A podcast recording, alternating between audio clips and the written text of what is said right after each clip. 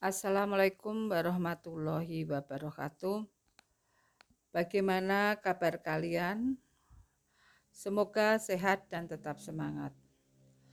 Sebelum pelajaran kita mulai, kita awali dengan membaca basmalah terlebih dahulu.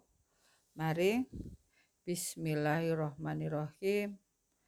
Semoga Allah memberikan kemudahan dan kelancaran pada pelajaran hari ini.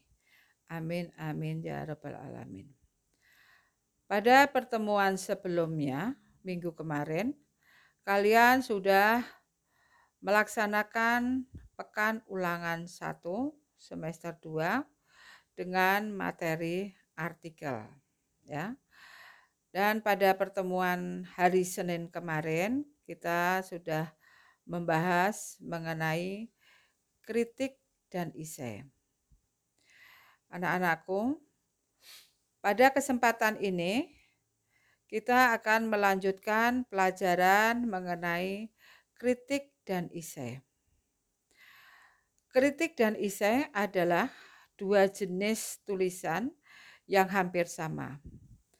Keduanya sama-sama mengungkapkan pendapat atau argumen namun penulis kritik dan isai haruslah melakukan analisis dan penilaian secara objektif terlebih dahulu.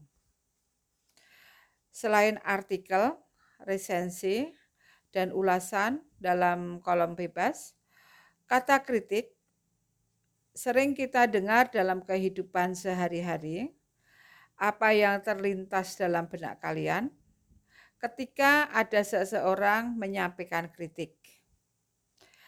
Sebagian di antara kalian mungkin ada yang beranggapan bahwa kritik adalah celaan.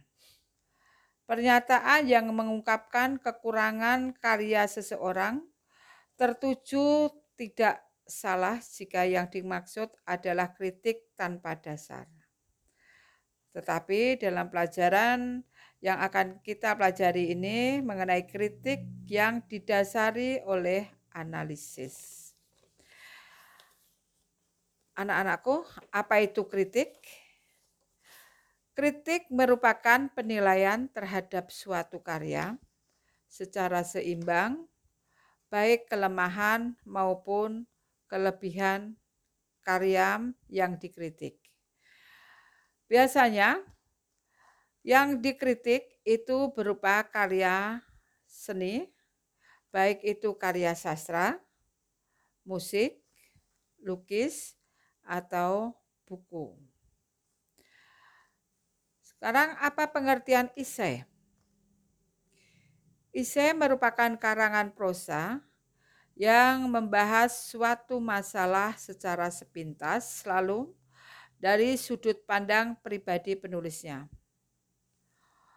Fokus dari isai mengarah pada cara pandang seseorang terhadap suatu objek atau peristiwa. Kritik dan isai adalah dua jenis tulisan yang hampir sama. Keduanya sama-sama mengungkapkan pendapat atau argumen. Penulis kritik dan isai haruslah melakukan analisis dan penilaian secara objektif agar dapat dipercaya. Ya, kita lanjutkan mengenai jenis-jenis kritik. Jenis-jenis kritik yang pertama, kritik sastra intrinsik yaitu menganalisis karya sastra berdasarkan unsur intrinsiknya, sehingga akan diketahui kelemahan dan kelebihan yang ada dalam karya sastra. Nah, kalian masih ingat dengan unsur intrinsik? Apa itu unsur intrinsik? Unsur intrinsik itu unsur yang membangun dari dalam karya sastra. Apa saja yang unsur membangun dari dalam karya sastra? Yaitu satu tema, ya, alur, eh, sudut pandang, penokohan, latar, dan amanat.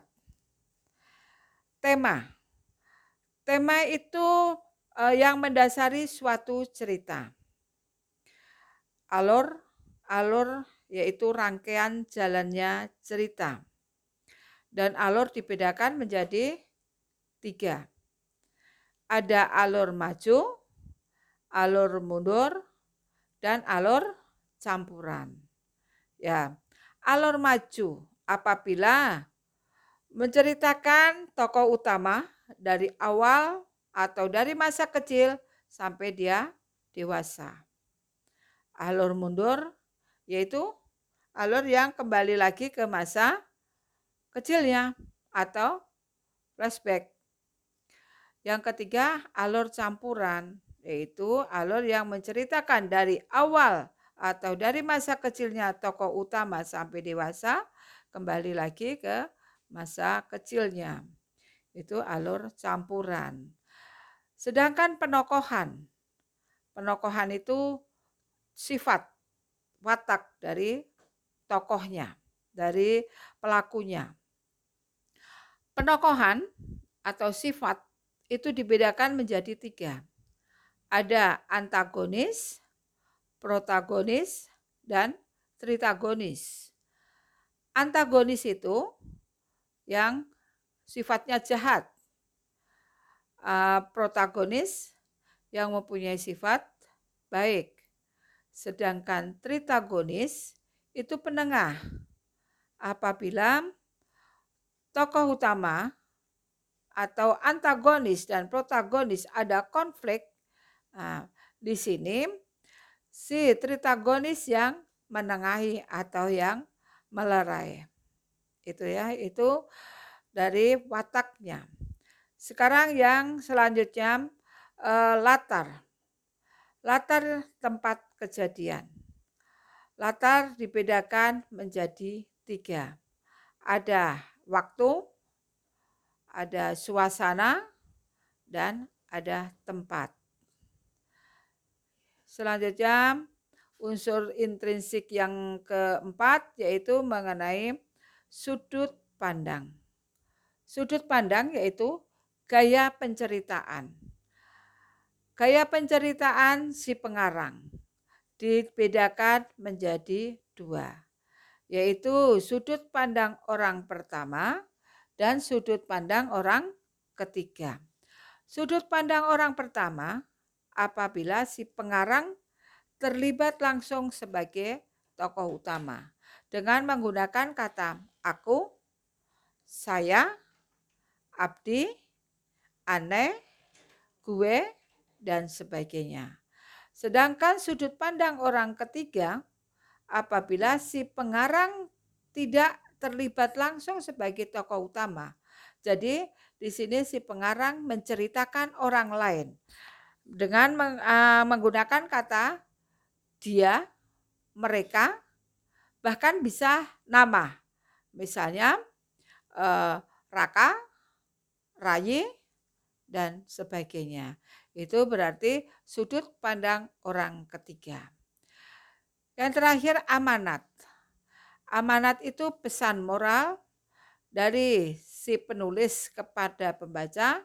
Pastinya kalau namanya pesan itu yang isinya yang bagus-bagus. Penyampaiannya yang bagus. Sehingga apa? supaya si pembaca itu bisa mengikuti dari si uh, amanat tadi atau dari pesan si penulis itu ya. Biasanya berupa pesan moral. Yang kedua yaitu kritik sastra ekstrinsik. Nah, tadi sudah unsur intrinsik. Sekarang kebalikan dari unsur intrinsik yaitu unsur ekstrinsik unsur yang membangun dari luar karya sastra. Apa saja anak-anakku? Unsur yang membangun dari luar karya sastra? Ya, ada uh, latar belakang pengarang, ada latar belakang pembaca atau masyarakat, dan selain itu juga ada uh, nilai moral, nilai sosial, nilai budaya, nilai keagamaan, nilai pendidikan. Itu yang dimaksud dengan ekstrinsik.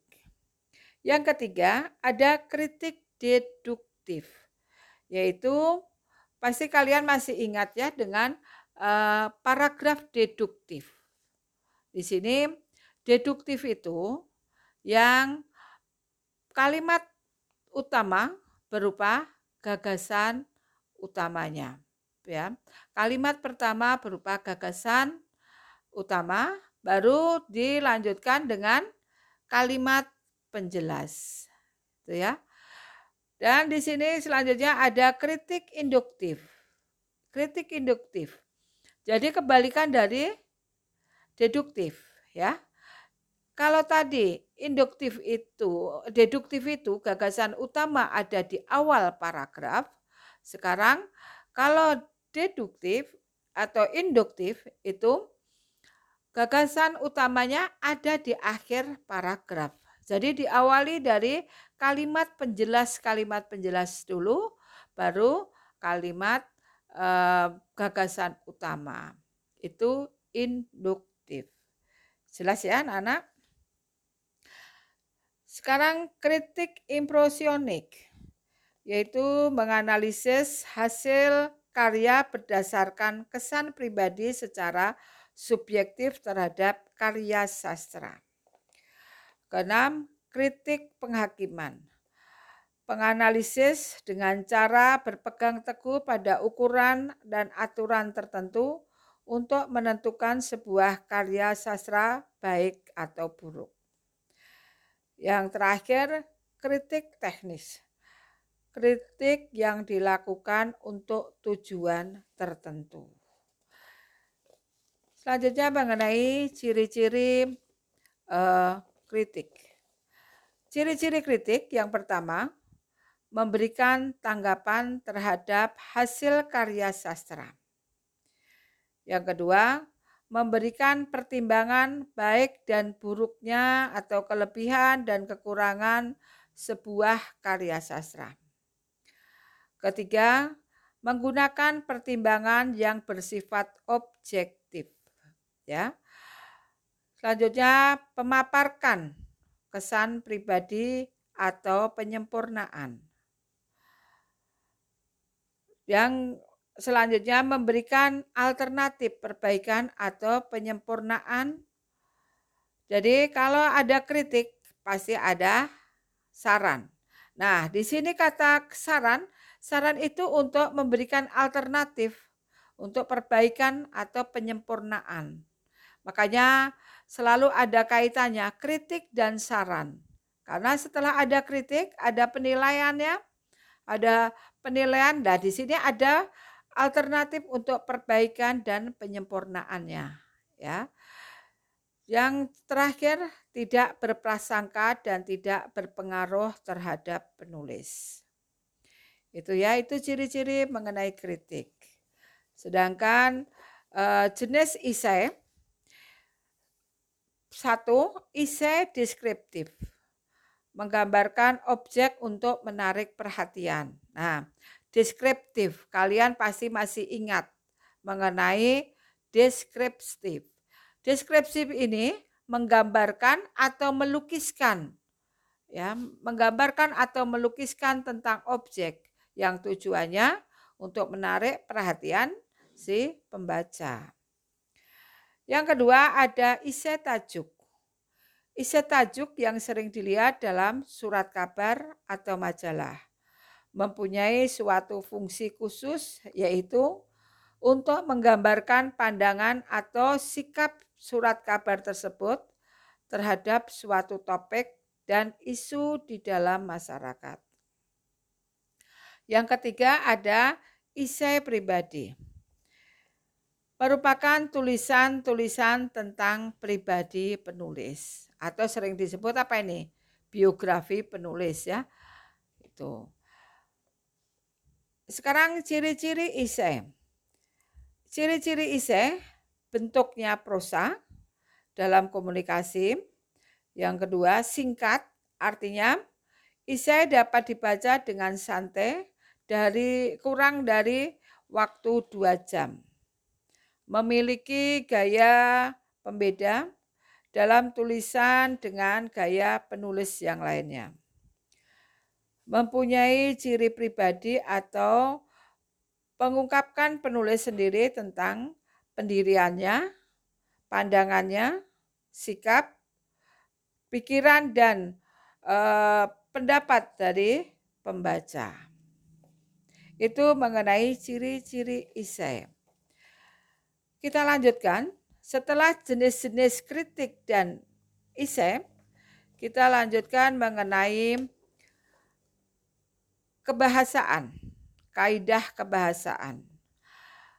Kaidah kebahasaan dalam teks kritik dan isai ini sama menggunakan kaidah kebahasaan eksposisi. Masih ingatkah kalian dengan eksposisi? Apa itu eksposisi? Ya, eksposisi itu pemaparan yang disertai dengan langkah, ya. Pemaparan atau penjelasan yang disertai dengan langkah-langkah. Itu eksposisi. Yang kedua, menggunakan pernyataan-pernyataan persuasif. Ya, apa itu persuasif? Persuasif itu paragraf yang isinya tentang ajakan, himbauan, harapan, dan larangan. Ya, itu eh, paragraf persuasif. Ada contohnya, nih. Oleh karena itu, berhadapan dengan novel model ini, kita pembaca mesti memulainya tanpa prasangka dan menghindari dari jejalan pikiran yang berpretesi pada sejumlah horizon. Harapan, bukankah banyak pula novel kanon yang peristiwa-peristiwanya awalnya dibangun melalui narasi yang lambat? Mana yang merupakan kata persuasif? Ya, tadi kan persuasif itu, paragraf persuasif itu ada ajakan, himbauan, larangan, dan harapan. Nah, di sini ada harapan. Ya, harapan. Bukankah banyak pula novel kanon yang peristiwa-peristiwa awalnya dibangun melalui narasi yang lambat? Nah, itu berupa harapannya. Yang ketiga, yaitu menggunakan uh, bahasa argumentasi. Apa itu argumentasi? Masih ingatkah kalian? Argumentasi? Argumentasi itu berasal dari kata argumen yang berarti pendapat yang disertai dengan alasan-alasan dan fakta. Tujuannya apa? supaya pembaca yakin akan tulisan kalian, percaya tulisan kalian. Itu argumentasi. Argumen yang disertai dengan pendapat yang disertai dengan alasan-alasan. Alasannya harus nyata, konkret, fakta supaya si pembaca percaya akan tulisan kalian. Itu ya, itu mengenai argumentasi. Selanjutnya menggunakan pernyataan atau ungkapan yang bersifat menilai atau mengomentari ya, atau mengomentari. Menilai atau mengomentari. Contohnya pemanfaatan atau lebih tepat eksplorasi setiap kata dan kalimat tampak begitu cermat dalam usahanya merangkai setiap peristiwa. Eka seperti hendak menunjukkan dirinya sebagai eksperimental yang sukses bukan lantaran faktor kebetulan, ada kesungguhan yang luar biasa dalam menata setiap peristiwa dan kemudian mengendalikannya menjadi struktur cerita. Di balik itu, tampak pula adanya semacam kekhawatiran untuk tidak melakukan kelalaian yang tidak perlu. Nah, tadi di sini menggunakan pernyataan, ungkapan yang bersifat menilai atau mengomentari. Nah, di sini ada contohnya tadi. Setiap kata dan kalimat tampak begitu cermat dalam usahanya merangkai setiap peristiwa. Tampak begitu cermat dalam usia eh, dalam usahanya merangkai setiap peristiwa. Ini bersifat menilai. Jelas ya, Nak ya? Selanjutnya menggunakan istilah teknis.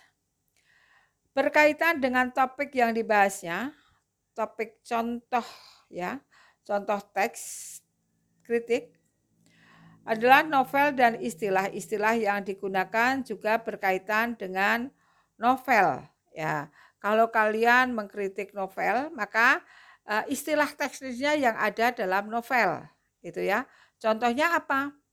Contohnya ada kata narator, ada kata alur, tema, sudut pandang, itu ada dalam uh, novel ya. Kalau kalian belajar misalnya belajar mengenai istilah-istilah fisika. Misalnya ada gaya, ada volume, ya, ada daya tarik bumi dan sebagainya. Itu istilah-istilah dalam fisika. Itu ya, Nak ya. Jadi kalian harus bisa membedakan mana istilah dari dalam novel atau karya sastra dan mana yang istilah-istilah yang ada dalam buku, buku pengetahuan. Selanjutnya menggunakan kata kerja mental. Kata kerja mental yaitu berkaitan dengan karakteristik teks eksposisi yang bersifat argumentatif dan bertujuan mengemukakan sejumlah pendapat. Kata kerja yang dimaksud adalah uh, contohnya kata memendam, mengandalkan, mengidentifikasi, mengingatkan, mencintainya, memarahinya. Nah, itu berarti kata kerja mental yang berkaitan dengan mental atau berkaitan dengan hatinya. Itu ya. Jelas ya anak-anakku? Itu mengenai kaidah kebahasaan, kritik, dan isai. Jelas ya? Kita lanjutkan mengenai perbandingan kritik dan isai berdasarkan pengetahuan yang disajikan. kritik yaitu objek kajian karya misalnya ya objeknya karya misalnya seni musik, sastra, tari, drama dan film. Sedangkan eh, dalam isai objeknya kajian dapat berupa karya atau fenomena. Bisa itu fenomena alam, fenomena sosial, fenomena budaya, ya itu uh, fenomena. Sedangkan yang kedua ada deskripsi karya berwujud buku di deskripsinya berupa sinopsis atau novel. Kalau dalam novel ya kritik ya, kalau dalam kritik yang dikritik itu sebuah novel, dideskripsikannya dari melalui uh, sinopsis. Kalian tahu kan sinopsis? Ya. Sinopsis itu ringkasan cerita. Jadi sudah dideskripsikan dari uh, sinopsis kalian dengan uh, membaca sinopsis kalian sudah tahu tentang isi dari novel itu. Makanya di sini dideskripsikan, digambarkan, dilukiskan supaya pembaca tertarik dengan novel ini. Sedangkan dalam isai tidak ada ringkasan atau sinopsis karya. Karena apa? Karena berupa pendapat, pandangan ya. Berupa pendapat, pandangan seseorang. Jadi tidak ada sinopsisnya. Ya, yang ketiga, menyajikannya data objektif kalau kritik ya. Kritik itu disajikan data objektif karena menilai. Kalau menilai kalian harus dengan objektif ya. Karena di sini menilai baik dan buruknya sebuah karya atau kelemahan dan keunggulan sebuah karya. Beda dengan kalau ise. Ise itu berdasarkan pandangan penulis. Makanya secara subjektif ya. Kenapa? Karena pandangan uh, antara yang satu dengan yang lain otomatis berbeda, ya kan? Makanya kalau ise itu bersifat subjektif, tapi kalau kritik itu harus bersifat objektif. Jelas ya perbedaannya? Karena menilai, menilai kalau kritik itu menilai baik buruknya suatu karya. Kalau isai itu berupa uh, tanggapan atau pendapat seseorang. Itu ya. Jadi di sini perbedaannya jelas. Yang kedua, perbandingan kritik dan sastra berdasarkan pandangan penulis, ya.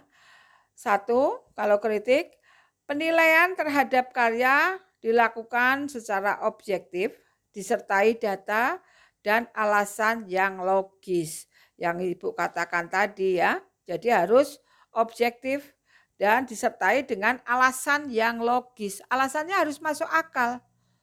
Harus logis. Bukan karena kalian mengkritik seseorang karena dendam tersendiri, tidak boleh. Ya, tidak boleh Kalian mengkritik itu harus ada dasarnya, harus diikuti dengan alasan yang logis dan harus objektif. Itu ya, Nak ya. Sedangkan isem kajian dilakukan secara subjektif menurut pendapat pribadi penulis isai. Jadi di sini secara subjektif. Karena pendapat seseorang yang antara satu dengan yang lain pastinya akan berbeda. Makanya subjektif. Yang kedua, kalau kritik dalam memberikan penilaian sering kali menggunakan kajian teori yang sudah mapan. Jadi kalau memberikan suatu penilaian ya harus menggunakan kajian teorinya. Teorinya harus ada kajian teorinya. Di sini kalau kritik. Sedangkan kalau isem jarang atau hampir tidak pernah mencantumkan kajian teori. Itu. Yang nomor tiga, pembahasan terhadap karya secara utuh dan menyeluruh. Itu kalau kritik. Kalau kritik itu pembahasannya terhadap karya secara utuh dan menyeluruh. Ya. Kalau dalam isem, objek atau fenomena yang dikaji tidak dibahas menyeluruh, hanya pada hal yang menarik saja yang uh, menurut pandangan penulis pembahasannya dilakukan menyeluruh dan secara utuh. Jadi kalau isem menurut uh, penulis atau pandangan penulis ya itu pembahasannya dilakukan secara menyeluruh dan utuh. Demikian ya anak-anakku pembahasan hari ini mengenai kritik dan iseng, yaitu mengenai jenis-jenis kritik, jenis-jenis iseng, kaidah kebahasaan, dan pembeda antara kritik dan iseng. Semoga kalian lebih jelas dan paham mengenai kritik dan iseng. Dan semoga pelajaran hari ini bermanfaat untuk kalian Tetap semangat. Terima kasih atas perhatiannya. Wassalamualaikum warahmatullahi wabarakatuh.